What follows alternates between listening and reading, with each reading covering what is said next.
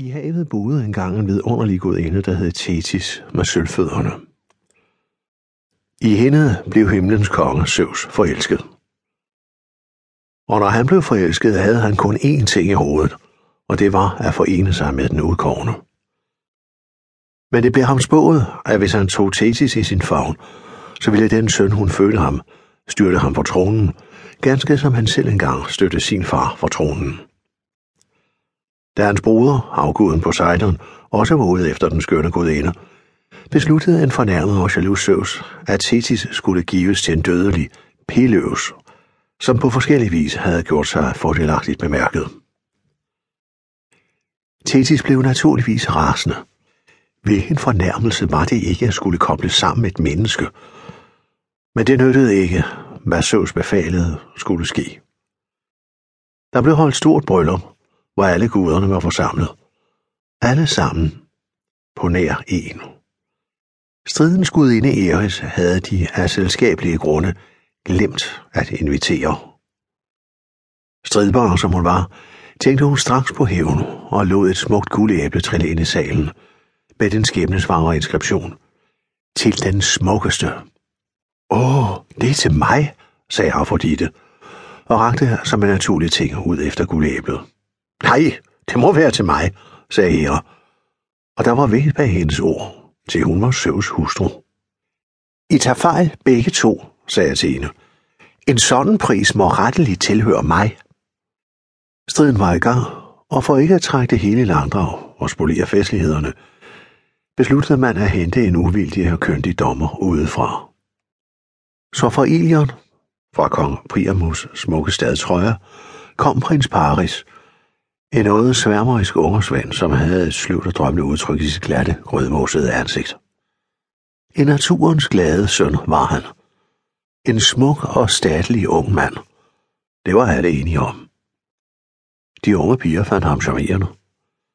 Troerne selv kaldte ham tøsefingeren. Man sagde om ham, at han var så glad for sit eget ansigt, at hans hus var fyldt med spejle.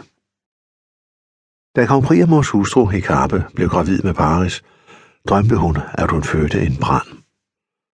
Hver gang hun lagde sig til at sove, drømte hun den samme drøm. At flammerne stod op omkring hende. Da drengen blev født, advarede hendes egen datter Cassandra hende. Cassandra var en usædvanlig pige. Hun var synsk og fortalte, at drengen var en ulykkesfugl, og at Troja ville falde på grund af ham. Derfor satte Hekabe straks drengen ud i de vilde bjerge, hvor ulven eller bjørnen hurtigt ville finde ham. Men det var i stedet et hyrde, der fandt ham, og Kalle tog sig af ham. Paris voksede op mellem dyrene og de små, vidunderligt smukke skovnømfer, der fuldstændigt vendede sig til ham. Han blev selv en indtagende ung mand, til med en meget dygtig bueskytte. På et tidspunkt blev nøfferne uenige om, hvem der var den smukkeste. Så de fik fat i Paris, som de mente havde sans for skønhed. Han interesserede sig i hvert fald ikke for ret meget andet, og sad tit i et stille vandhul og kiggede på sig selv. Han valgte Uinone, som derefter valgte ham, og de blev så forelsket hinanden, at de svor hinanden evigt troskab. Uinone var ikke en almindelig nymfe. Hun havde stor magt, hvor hun kunne hele et hvert sår. En gang da Paris gik rundt og vogtede dyrene på Ida-bjergets skråninger, så han fire bevæbnede mænd, der havde lagt sig på lur i en sluks, et strategisk godt sted nær en smal sti. Han var ikke vant til at se mennesker, var lidt sky over for dem, men også nysgerrig. Han lagde sig på et fladt klippestykke, der var blevet varmet godt op af solen, og lidt efter fik han øje på en høj og usædvanlig rytter. Det var en kvinde, til med en meget smuk kvinde.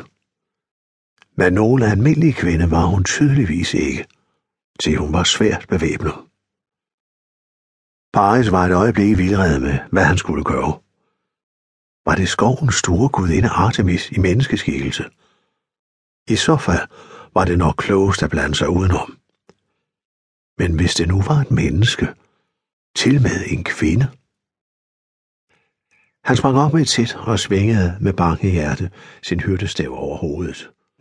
Pas på, skreg han. Baghold!